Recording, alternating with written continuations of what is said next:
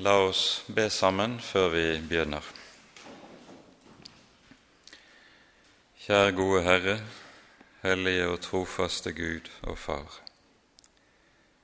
Så kommer vi sammen på ny i ditt hellige navn, i bønn om, Herre, at du vil komme til oss, og at du vil åpenbare dine ord for oss.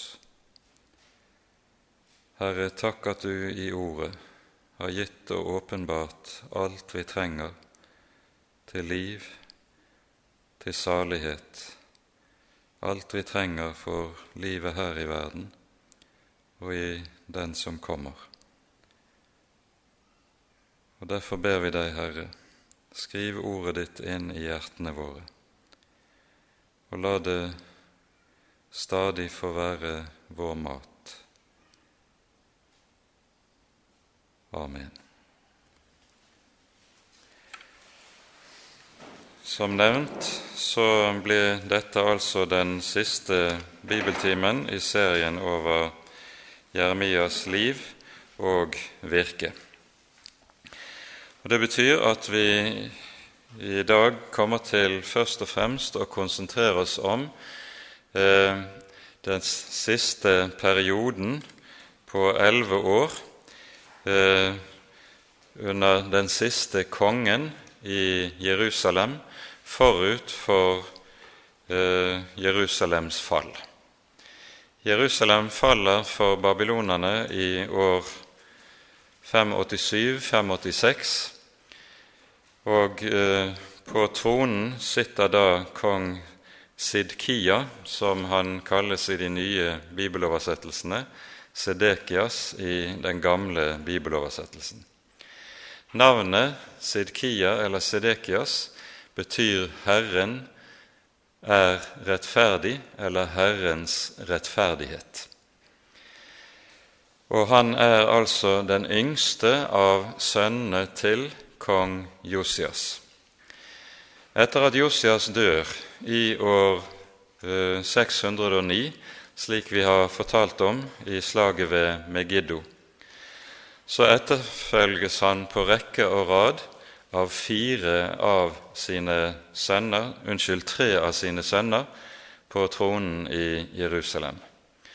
Først kommer en sønn som heter Joakas. Han blir bare sittende i tre måneder, for så å bli avsatt av farao, som jo drepte kong Jossia i slaget ved Megiddo.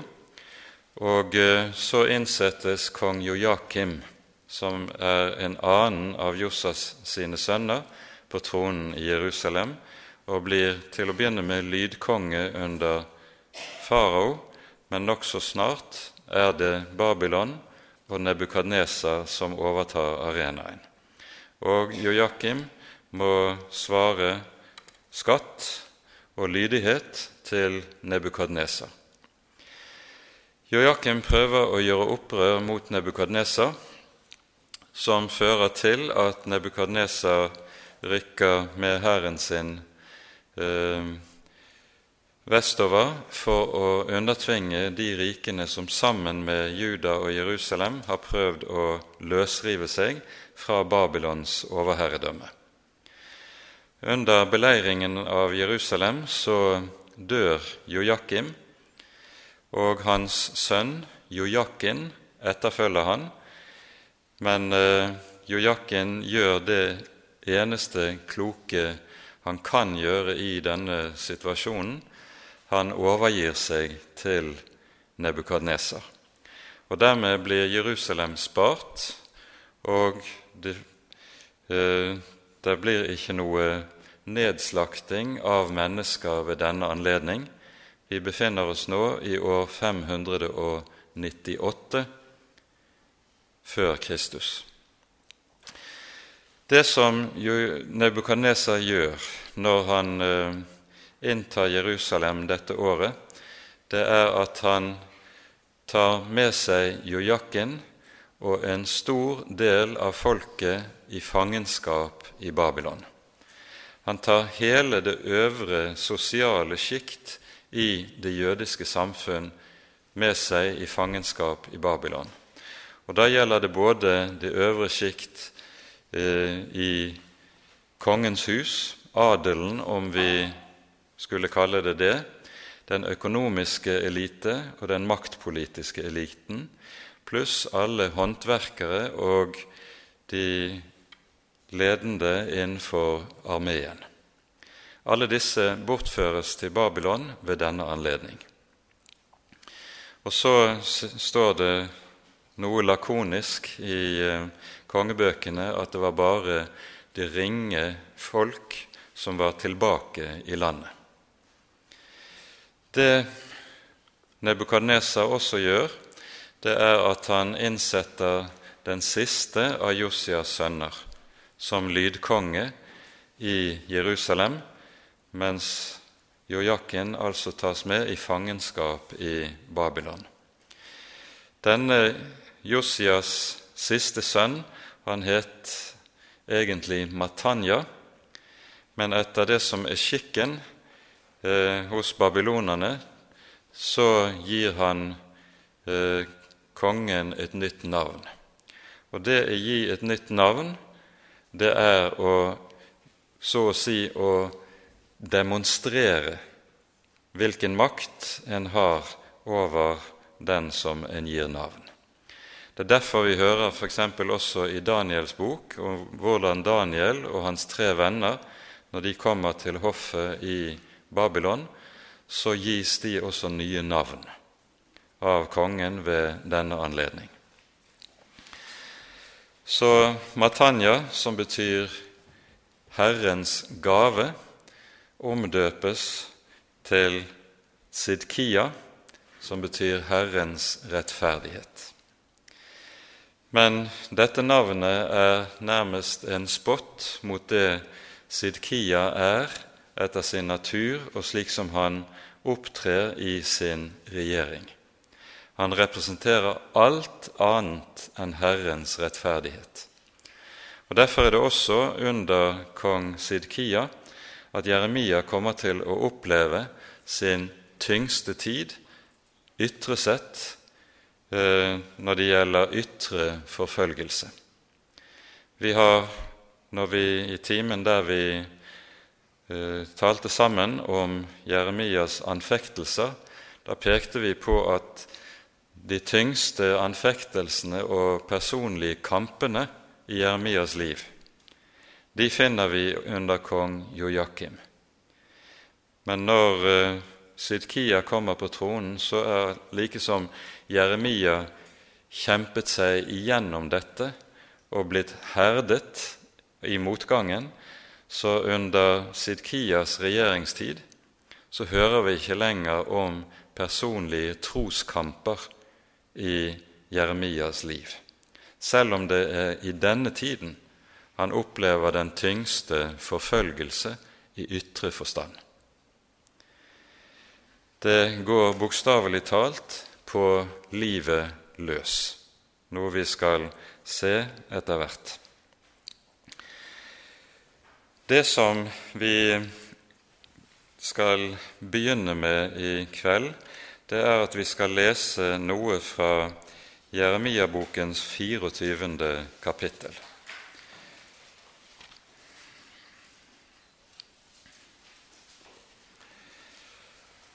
Dette er et kapittel som eh, tar utgangspunkt i det som skjer når Nebukadneser i 598 har ført bort hele folkets ledelse i fangenskap til Babylon. Og vi leser fra vers 1 i kapittel 24. Herren lot meg se dette syn. Der var to kurver med fikener som var oppstilt foran Herrens helligdom. Det var etter at Babels konge Nebukadneser hadde bortført Judas konge Jekonja, Joakims sønn, og Judas høvdinger og tømmermennene og smedene fra Jerusalem og ført dem til Babel.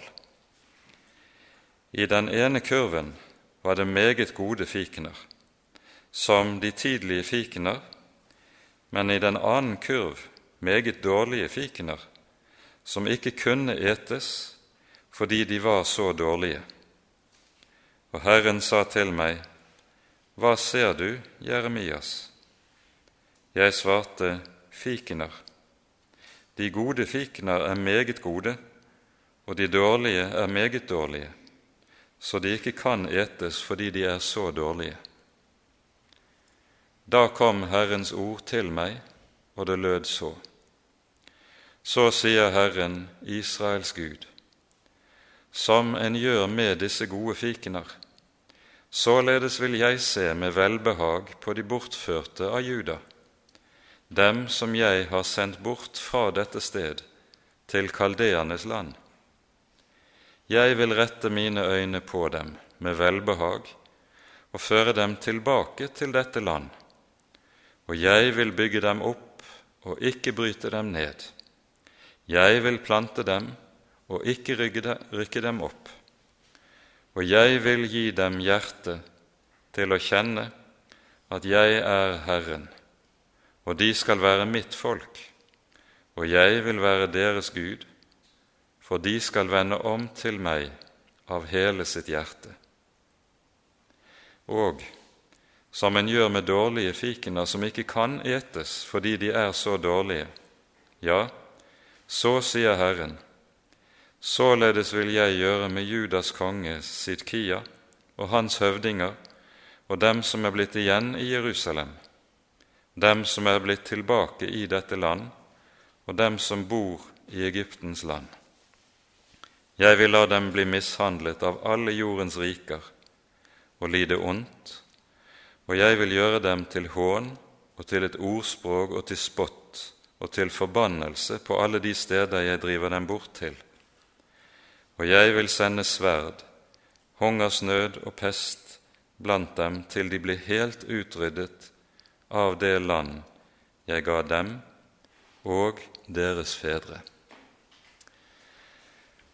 Det vi her hører, er at Herren nå legger frem for Jeremia og gjennom ham for folket hva som er hans hensikt med å føre denne del av folket i fangenskap i Babylon.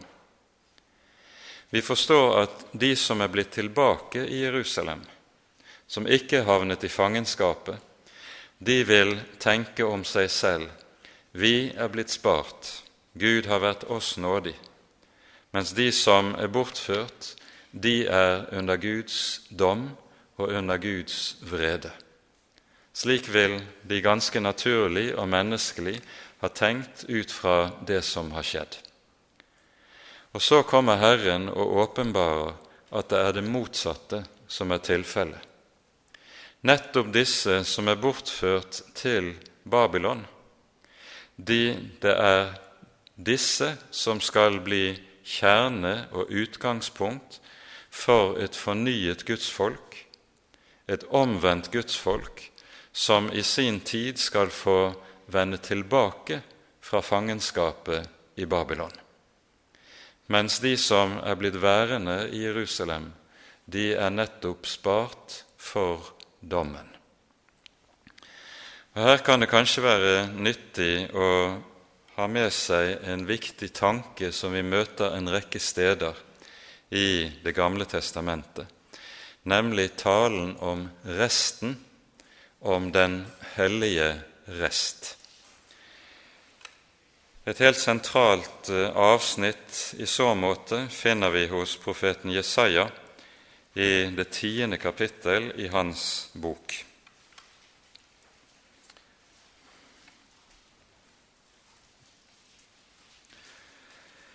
Dette er talt uh, en vel 130 år før eh, det vi hører i Jeremia 24, nemlig i den perioden der det er det asyriske verdensriket som representerer et voldsomt trykk mot Guds folk. Og så kunngjør Jesaja hvilken dom Herren ved Asyria vil føre over folket. Og så leser vi fra vers 17 til vers 21 i kapittel 10. Israels lys skal bli til en ild, og dets hellige til en lue, og den skal brenne og fortære hans tårn og hans tistel, alt på én dag. Og han skal gjøre ende på hans skogs og hans fruktbare marks herlighet, både rubb og stubb, og det skal gå som når en syk visner bort. De trær som ble levnet av hans skog, skal lett kunne telles, et barn skal kunne skrive dem opp. På den tid skal levningen av Israel, de unnkomne av Jakobs hus, ikke mer bli ved å stole på ham som slo det, men de skal trofast stole på Herren, Israels hellige. En levning, en rest, skal omvende seg, levningen av Jakob, til Gud, den veldige. Det vi ser her, det er noe som er meget karakteristisk for Guds måte å handle på gjennom frelseshistorien.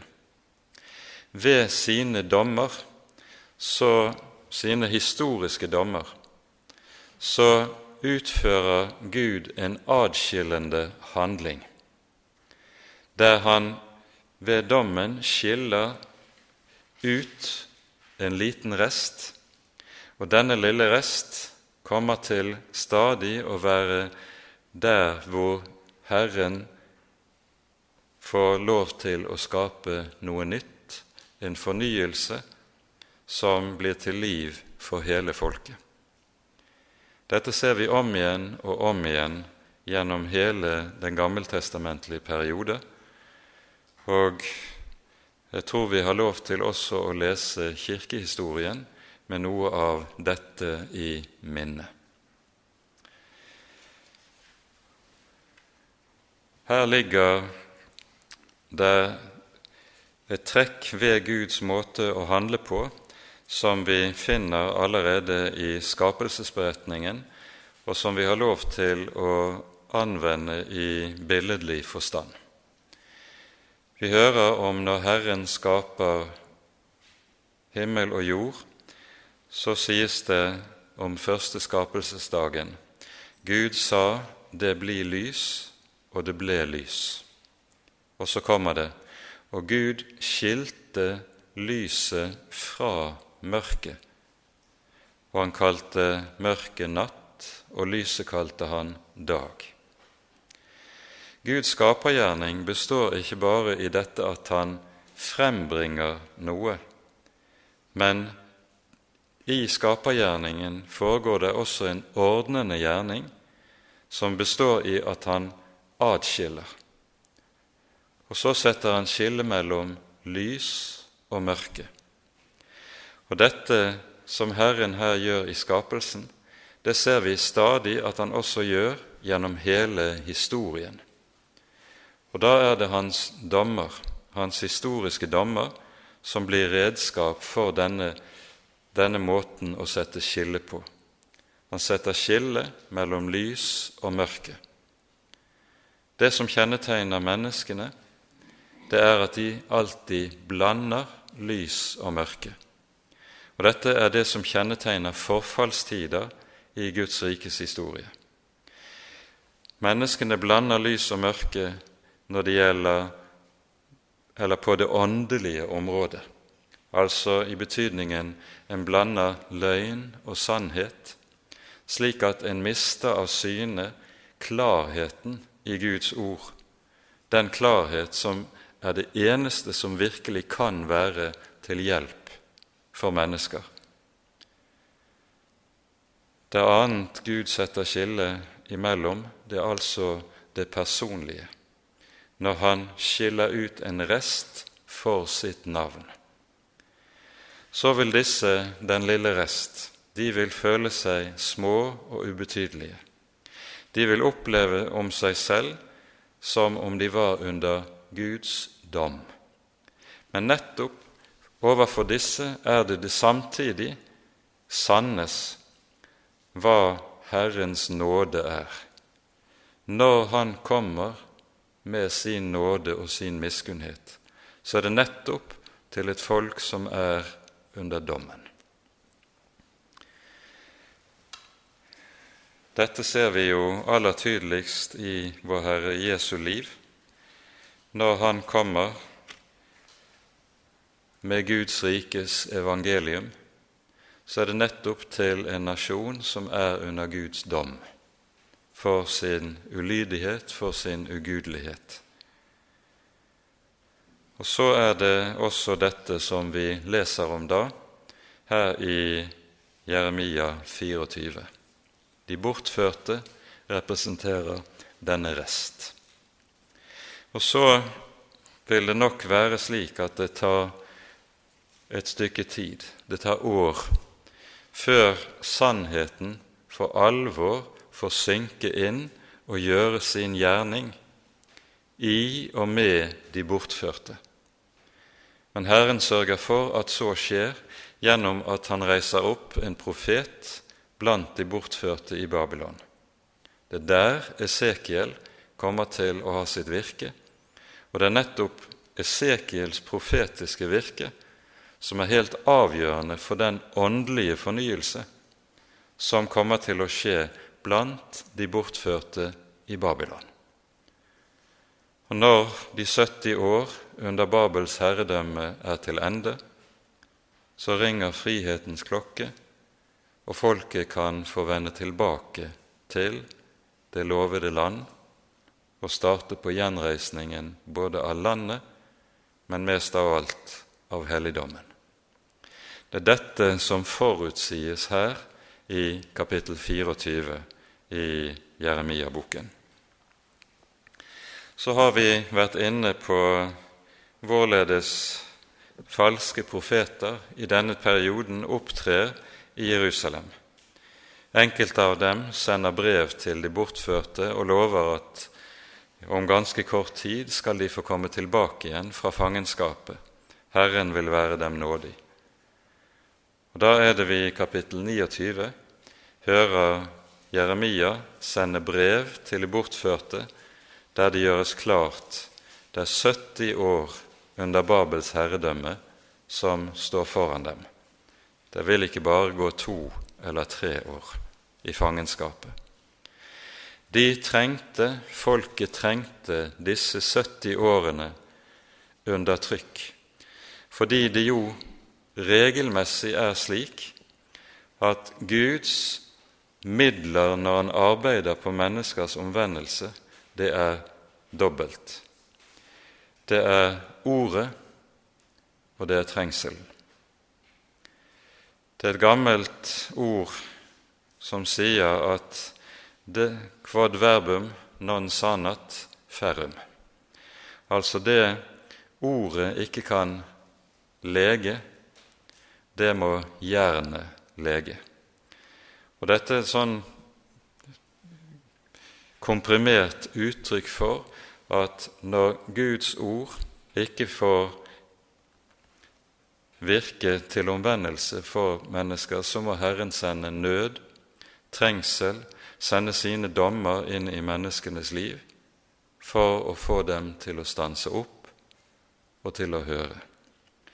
Og så er det disse to midler og redskaper Herren anvender på de bortførte. For det har nok ikke vært noe enkelt å leve i fangenskap i Babylon. Det har vært en meget tung tid for folket. Vi hører gjenklang av dette bl.a. i Salme 137, som ble diktet like etter at fangenskapet var avsluttet. Ved Babylons elver satt vi og gråt, innledes denne salmen med.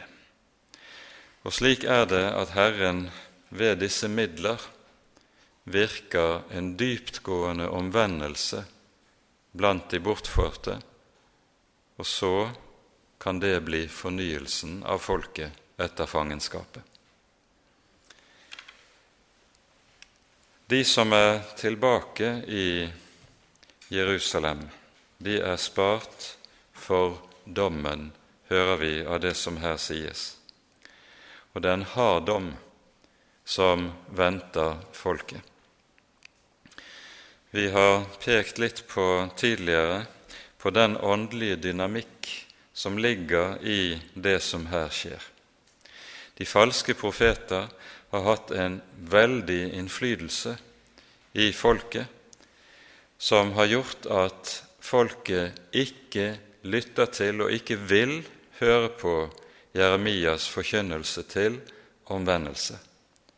Og Dermed blir det de falske profeter som slik indirekte blir årsaken til at dommen til slutt faller over Jerusalem, elleve år etter at Sidkia er kommet på tronen. Før vi går nærmere inn på de begivenheter som skjer ved de siste årene før Jerusalems fall, så skal vi også stanse opp for et annet viktig avsnitt i Jeremia-boken, nemlig det 18. kapittelet. For her i det 18. kapittelet legger Herren frem for oss noe av det som er det mest avgjørende både når det gjelder hans historiske styre, og hvorledes han taler til menneskene og lar sitt historiske styre betinges av hvordan mennesker stiller seg til Hans ord. Og vi leser fra vers 1 i kapittel 18. Dette er det ord som kom til Jeremia fra Herren. Stå opp og gå ned til pottemakerens hus, og der vil jeg la deg høre mine ord. Og jeg gikk ned til pottemakerens hus, og se, han gjorde sitt arbeid på skiven. Og når det kar han gjorde, ble mislykket, som det kan gå med leiren i pottemakerens hånd, så gjorde han det om igjen til et annet kar, slik han ville ha det. Og Herrens ord kom til meg, og det lød så skulle jeg ikke kunne gjøre med dere Israels hus, som denne pottemaker, sier Herren. Se, som leiren er i pottemakerens hånd, slik er dere i min hånd, Israels hus.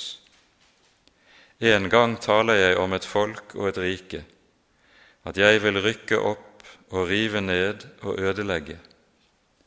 Men dersom det folk jeg har talt om, vender om fra sin ondskap, da angrer jeg det onde jeg hadde tenkt å gjøre imot dem. Og en annen gang taler jeg om et folk og om et rike, at jeg vil bygge og plante. Men gjør det da det som ondt er i mine øyne, så det ikke hører på min røst, da angrer jeg det gode jeg hadde tenkt og ville gjøre imot det. Og si nå til Judas menn og til Jerusalems innbyggere, så sier Herren, se, jeg emner på ulykke for dere og uttenker et ondt råd imot dere. Vend om, vær fra sin onde vei, og bedre deres veier og deres gjerninger. Men de sier, du taler forgjeves. Våre egne tanker vil vi følge, og enhver av oss vil følge sitt eget onde hårehjerte. Disse versene gir oss i et nøtteskall hvorledes Herren styrer sitt folks historie gjennom Det gamle testamentet. Og vi forstår dette helt grunnleggende. Det som avgjør hele veien, er hvorledes folket stiller seg til Herrens ord. Der folket bøyer seg for ordet og vender om, der vil Herren velsigne i stedet for å forbanne. Der folket lukker ørene og forherder seg mot Herrens ord, der sender Herren forbannelse og dom i stedet for velsignelse. Det er et klart, det er et tydelig og det er et skarpt enten-eller som ligger i dette. Og når Herren taler på denne måten som vi her hører, så forstår vi at det som ligger bak, det er troen på at Herren som den allmektige er historiens herre og kan styre historien nøyaktig slik som han selv vil og behager. Ingen kan legge ham noe i veien, ingen kan hindre hans gjerning, ingen kan gjøre hans råd til intet. Han er den allmektige. Og han styrer altså historien ene og alene ut fra dette, hvorledes folket stiller seg til Hans ord. I dette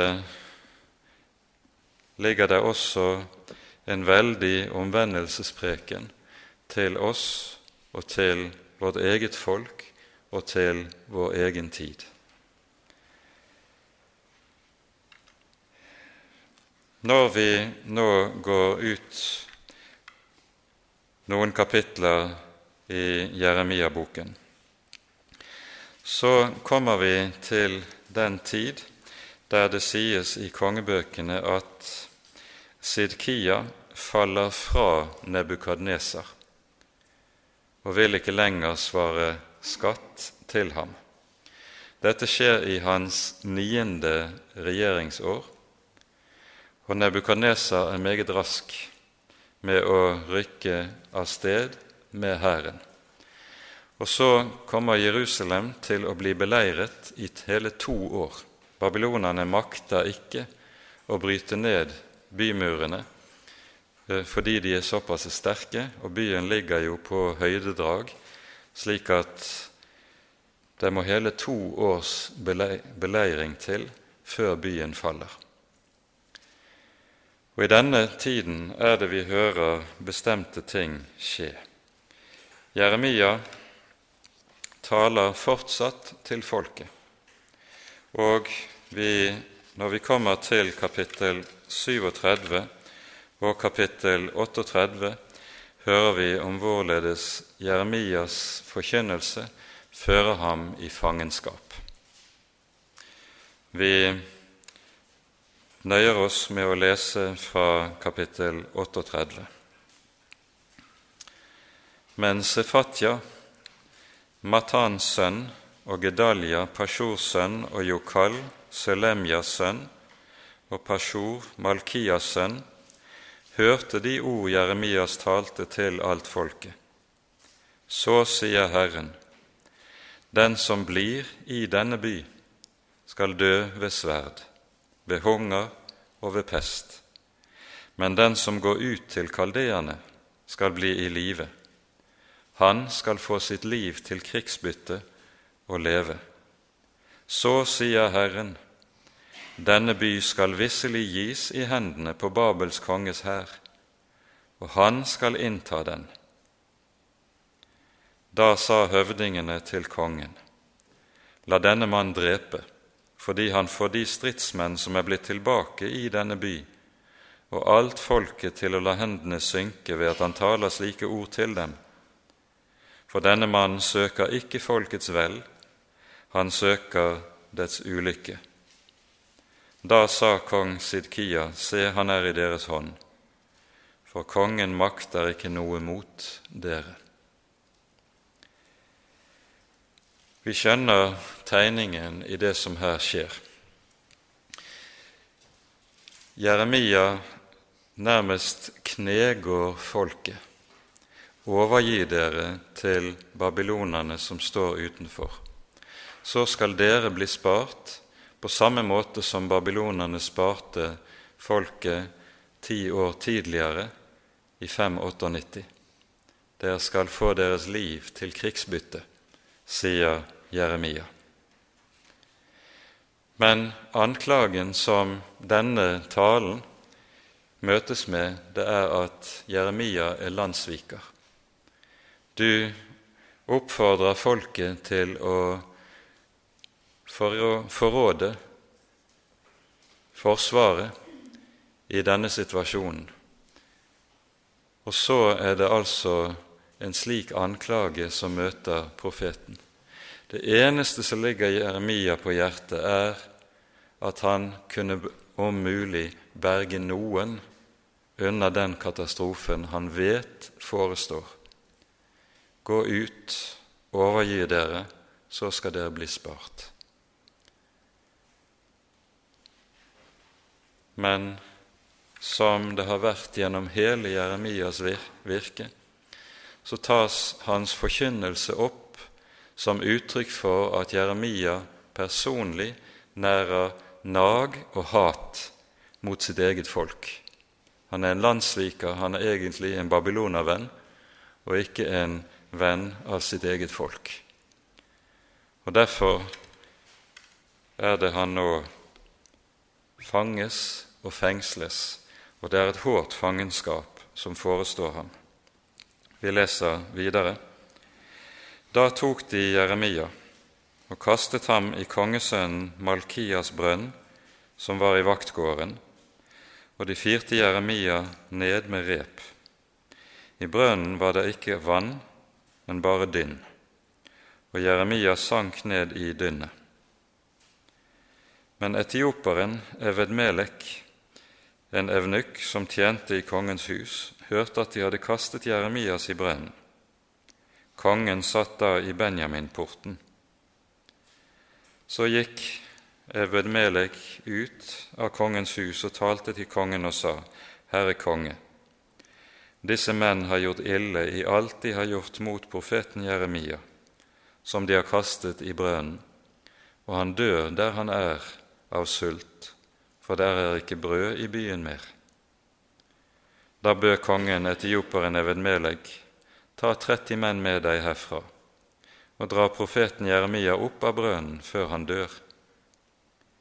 Og Evedmelek tok mennene med seg og gikk inn i kongens hus, ned i rommet under forrådskammeret, og tok derfra filler av sønderrevne og utslitte klær og firte dem ned til Jeremia i brønnen med rep.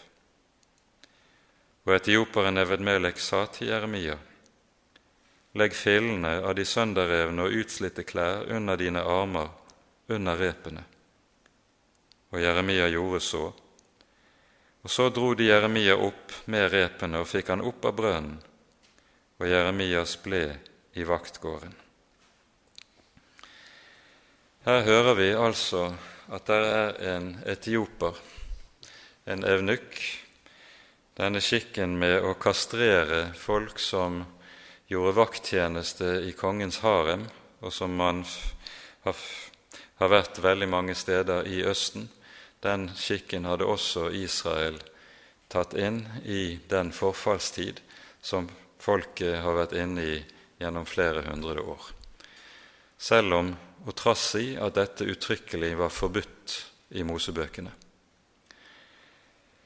Men denne etioperen han er altså en som har kommet til tro gjennom å høre Jeremias ord.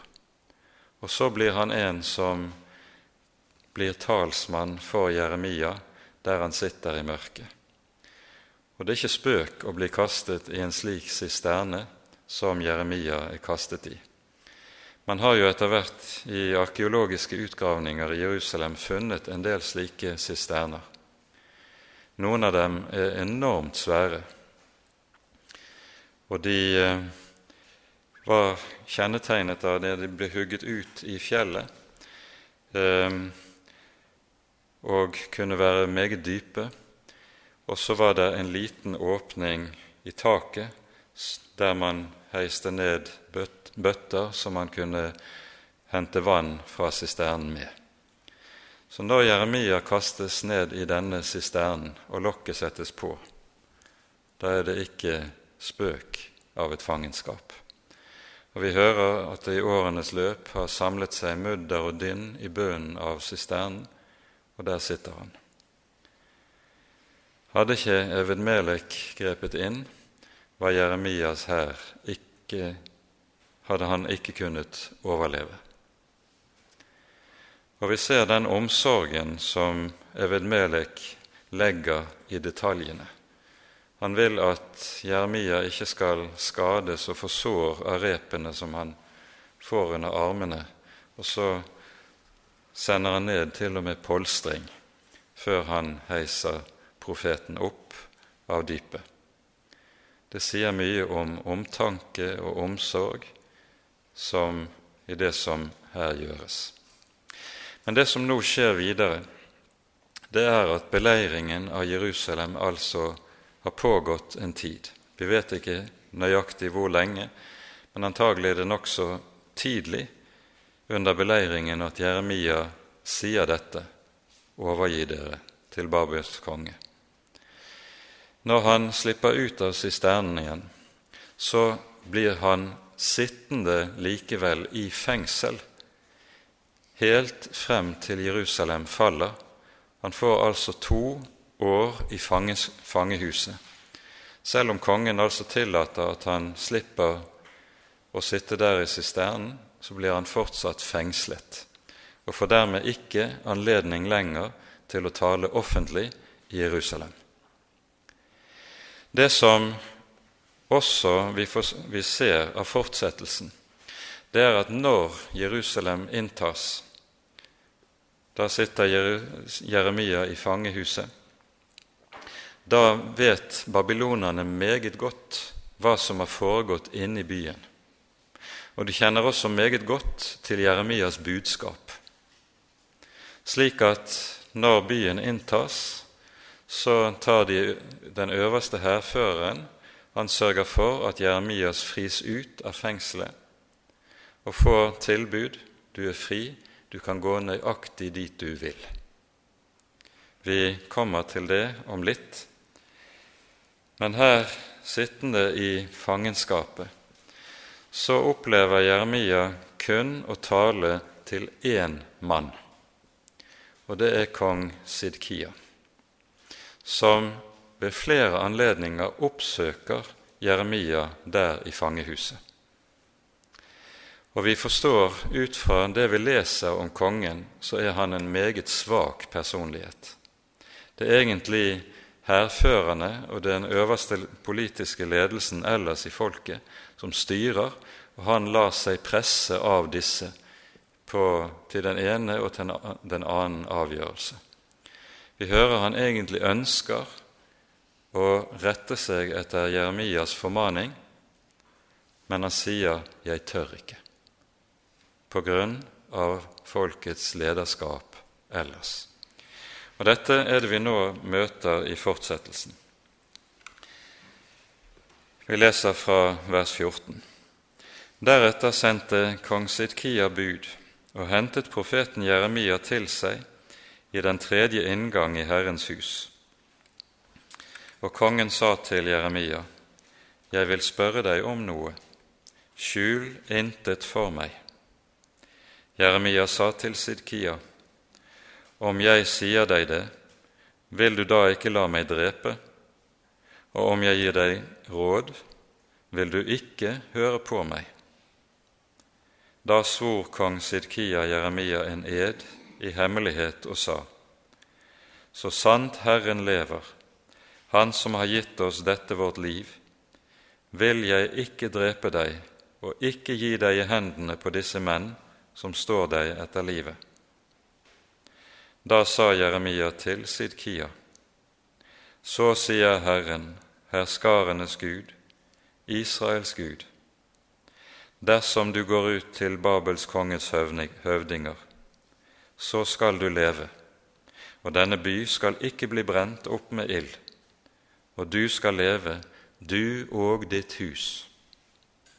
Men dersom du ikke går ut til Babels konges høvdinger, så skal denne by bli gitt i kaldeernes hånd, og de skal brenne den opp med ild, og du skal ikke kunne unnkomme av deres hånd. Men kong Sidkia sa til Jeremia, Jeg er redd for de jøder som er gått over til kaldeerne, at jeg skal bli overgitt i deres hånd, og at de skal fare ille med meg. Men Jeremia sa, Du skal ikke bli overgitt til dem. Hør bare på Herrens røst i det jeg taler til deg, så det må gå deg vel, og du må leve. Men unnslår du deg for å gå ut, da er dette det ord Herren har latt meg se. Se, alle de kvinner som er blitt tilbake i Judas konges hus, skal bli ført ut til Babels konges høvdinger og de skal si til deg:" Dine gode venner har lokket deg og fått overhånd over deg, da dine føtter sank ned i skarne, trakk de seg tilbake. Og alle dine hustruer og dine barn skal bli ført ut til kaldeerne, og du skal ikke unnkomme av deres hånd. Men ved Babels konges hånd skal du gripes, og for din skyld skal denne byen bli brent opp med ild. Og Sidkia sa til Jeremia, La ikke noen få vite om denne samtalen, ellers skal du dø. Og om høvdingene får høre at jeg har talt med deg, og de så kommer til deg og sier, Fortell oss hva du har sagt til kongen, skjul det ikke for oss, ellers vil vi drepe deg. Hva har kongen sagt til deg? Da skal du si til ham, Jeg bar min ydmyke bønn frem for kongens åsyn. Jeg ba at han ikke måtte føre meg tilbake til Jonathans hus for å dø der. Og da alle høvdingene kom til Jeremia og spurte ham, svarte han dem aldeles slik kongen hadde befalt. Og de tidde og lot ham være i fred, for saken var ikke blitt kjent. Og Jeremia ble i vaktgården like til den dag Jerusalem ble inntatt. Dette er et glimt av det som skjer i disse to siste forferdelige årene av beleiring forut for Jerusalems fall. Den niende i måneden av i året 587 eller 586 faller byen. Babylonerne klarer endelig å bryte gjennom by bymurene fordi hungeren har svekket forsvaret slik at forsvarerne ikke lenger er i stand til å gjøre noen som helst motstand. I klagesangene får vi høre litt om hvor forferdelig tilstanden er i byen i denne tiden. Det står sågar om mødre som tar livet av sine barn og spiser dem for om mulig å kunne berge livet i fortsettelsen. Det er en forferdelig beleiring. Og vi hører Jeremia i begynnelsen av kapittelet når han sier i vers 2 følgende den, denne by, den som blir i denne by, skal dø ved sverd, ved hunger og ved pest. Så nevner han de tre domsredskaper som stadig gjennom hele Skriften er Guds domsredskaper sverd, hunger og pest. Disse tre omtales. Og det er disse tre vi møter igjen i åpenbaringsboken i det sjette kapittel, der vi hører om de fire rytterne som rir ut i, gjennom historien når det første seilet i fremtidsboken brytes. Den første rytteren, det er rytteren på den hvite hest. Det er han som kommer med evangeliet. De tre neste rytterne de representerer nettopp disse tre sverd, hunger og pest, som er domsredskapene som Gud anvender gjennom historien. Og det er dette som rammer Jerusalem i disse to årene under beleiringen. Og det er en forferdelig tid. Når byen til slutt faller, så hører vi at kong Sidkia sammen med sine nærmeste medarbeidere og ledelsen av de, de, som sitter igjen i ledelsen av byens forsvar, de prøver å flykte. De, slipp, de rømmer ut gjennom en eh, port i bymuren mot syd, mot Hinnomsdalen, og så rir de i, sprengrir de nedover mot Dødehavet i håp om å komme unna. Men ved Dødehavet, når babylonerne dem igjen, og de tas til fange. Og kong Nebukadnesa, som ikke er ved Jerusalem, han er helt nord i Syria, i andre æren. Eh, kong Sidkia og alle de tilfangetagne føres frem for Nebukadneser der oppe i Hamat-landet, som det kalles. Og her må Sidkia oppleve det forferdelige. Alle hans sønner blir drept for hans øyne. Alle hans medarbeidere og ledelsen i landet blir drept for hans øyne. Og når samtlige er tatt av dage, så stikker Nebukadneser øynene ut på Sidkia, lenker ham i kobberlenker, og så må han slik gå i fangenskap i Babylon. Fornedret og fratatt alt. Vi skjønner at Jeremia, som så og visste hva som lå foran, aldri ønsket at noe slikt skulle ramme verken kongen eller noen annen i landet. Overgi dere, så vil dere bli spart. Men de ville ikke høre. Dette er omkvedet hele veien gjennom Jeremias profetiske virke. De ville ikke høre. Og så må de til slutt høste hva de har sådd. For Jeremias del blir det altså slik at han befris fra fangenskapet når byen blir inntatt, og vi hopper til det 40. kapittelet. Vi leser noen par vers her fra begynnelsen av kapittel 40.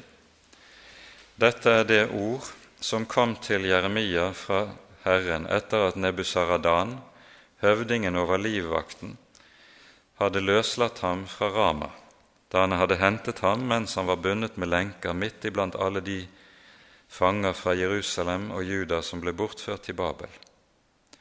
Høvdingen over livvakten hentet Jeremia og sa til ham:" Herren din Gud har forkynt denne ulykke mot dette sted, og Herren lot det komme og gjorde som han hadde talt, for dere hadde syndet mot Herren og ikke hørt på hans røst, og så hente dette dere.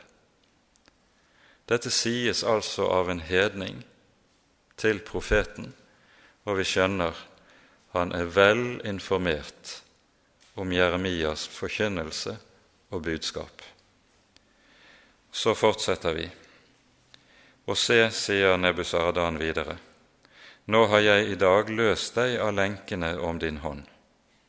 Er det godt i dine øyne å komme med meg til Babel, så kom, og jeg vil la mitt øye våke over deg.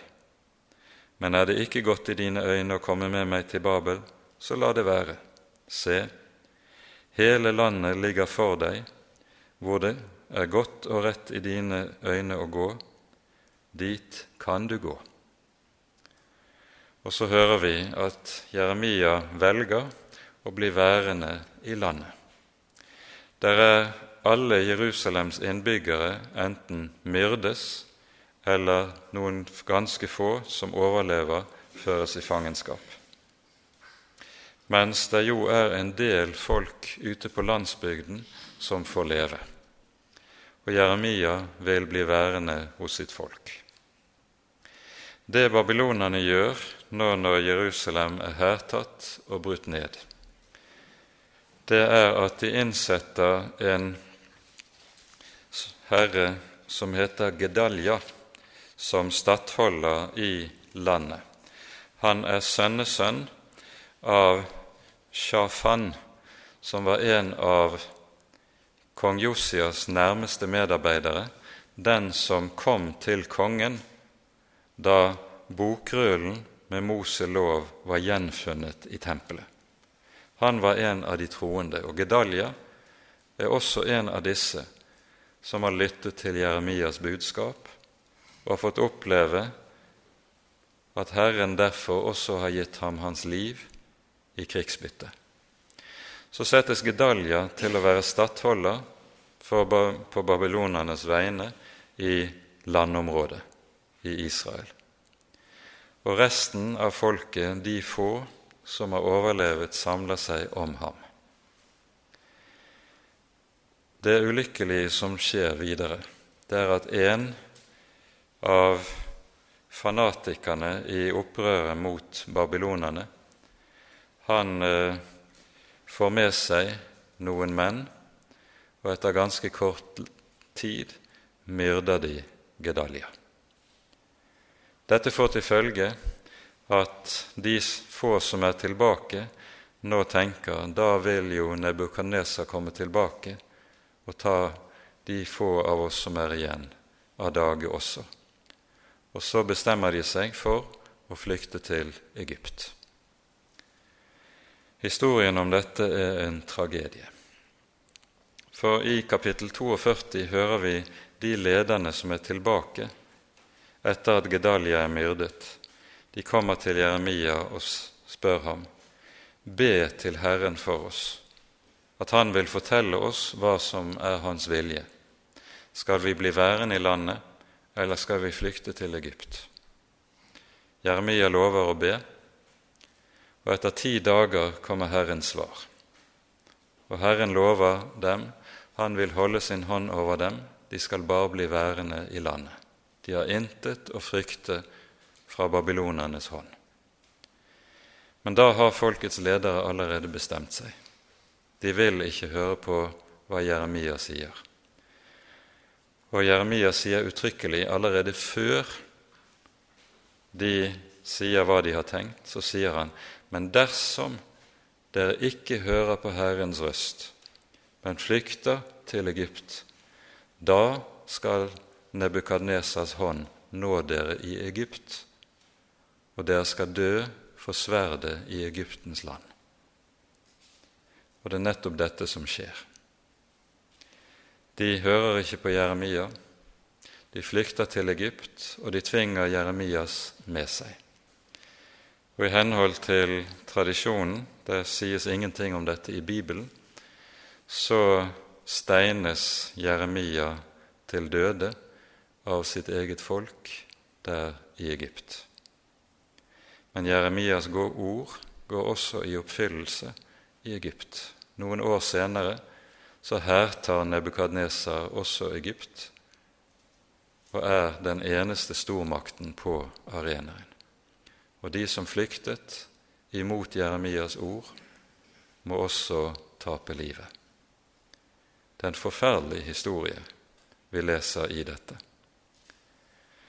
Det er så man nesten kan gråte med å måtte lese denne historien om hvordan det like til det siste, selv når folket har sett hvorledes Guds ord bokstavelig har gått i oppfyllelse, hvorledes Jeremia har talt i år etter år og sagt hva som vil komme til å skje. Og så har de sett for sine øyne at Herrens ord har gått i oppfyllelse. Og så vil de likevel fortsatt ikke høre. Det blir det som er det samlende uttrykk for hva som rører seg i folket, det som sies i Jeremia-bokens syvende kapittel. Alt sammenfattes i dette at Herren sier om folket dette er det folk som ikke har villet høre Herren sin Guds røst. Vi ser i dette noe av det samme som vi hører om i Salme 95, der det tales om utgangen av Egypt og om ørkenvandringen. Og så sies det i Salme 95.: I dag, om dere hører Herrens røst, da forherd ikke deres hjerte. Og så står det om hvorledes folket nettopp gjør det. Og så står det videre de satte meg, altså Herren, på prøve, enda de hadde sett min gjerning. Altså, folket hadde sett og erfart Guds gjerninger i forbindelse med utgangen av Egypt. De hadde sett hvorledes Herren hadde holdt ord, hvorledes Han som den allmektige kunne skille havet og føre dem over havet som på tørt land og deretter lot havet slå sammen over fienden, over egypterne. De hadde sett Herrens gjerninger, og likevel de hører ikke. Om igjen og om igjen ser vi dette komme til syne i Israels historie. Og Derfor er det også det sies om igjen og om igjen om folket dette er et gjenstridig folk. Det er Jakob som kjemper med Gud. Det er Jakob som kjemper med Gud, og ikke roper på velsignelsen før han er slått til jorden. Når vi leser i Første Mosebok 32 om Jakobs kamp med Herren Herren kommer til ham og kjemper med han i menneskers skikkelse. Så hører vi at da han, Herren så at han ikke kunne rå med Jakob, så slo han ham på hoften, så hoften gikk av ledd. Og Hvis du er i en kampsituasjon og hoften er gått av ledd, da har du tapt. Da ligger du der. Både er det så smertefullt at man kan ikke annet enn å skrike hjelp om hjelp, og man ligger hjelpeløs på jorden. Og så er det at bønnen kommer fra Jakobs munn. 'Jeg slipper deg ikke før du velsigner meg.'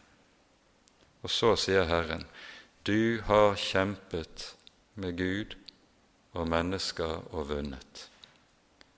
Når han tapte, når han lå der, da bøyde han kne i ordets egentlige forstand.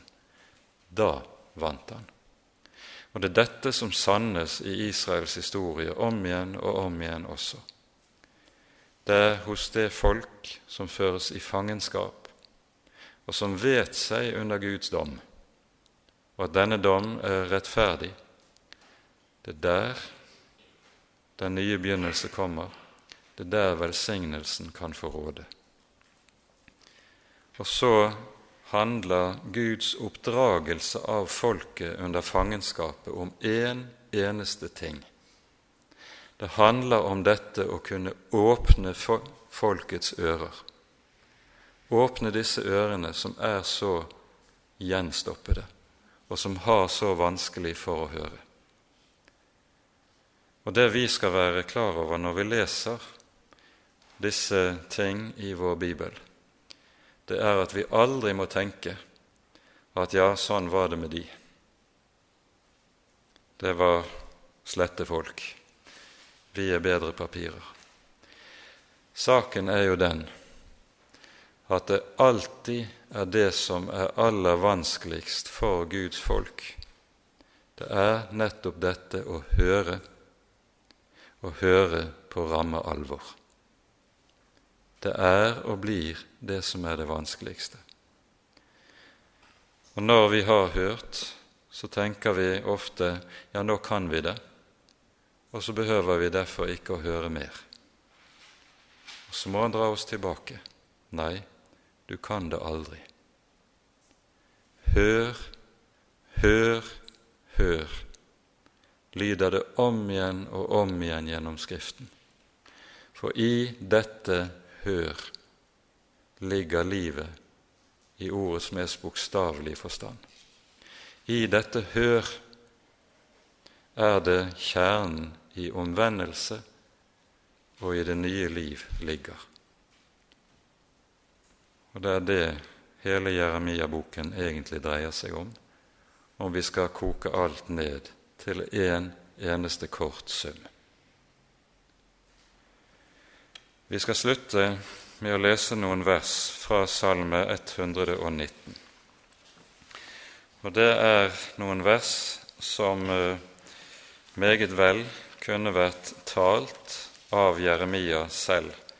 For du, når vi leser dem, så vil dere se og forstå at dette sannelig kunne vært profetens egne ord gjennom det han måtte oppleve i sine år. Vi leser fra Salme 119, fra vers 49.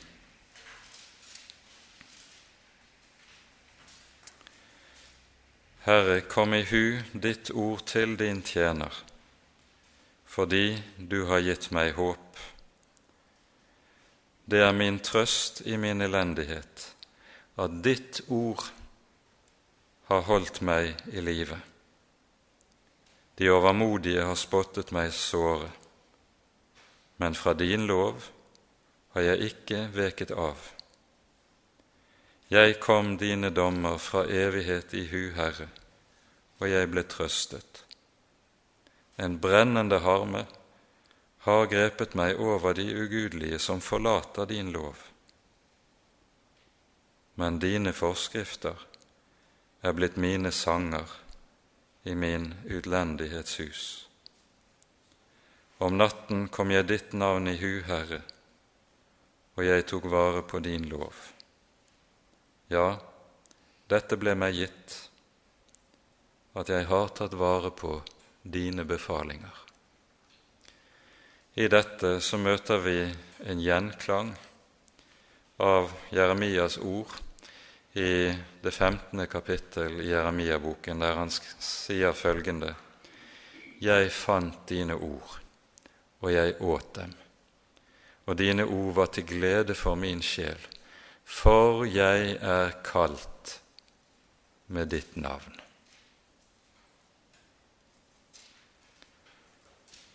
Jeremia var en som selv hadde det åpne øret og hadde sin glede i Herrens lov.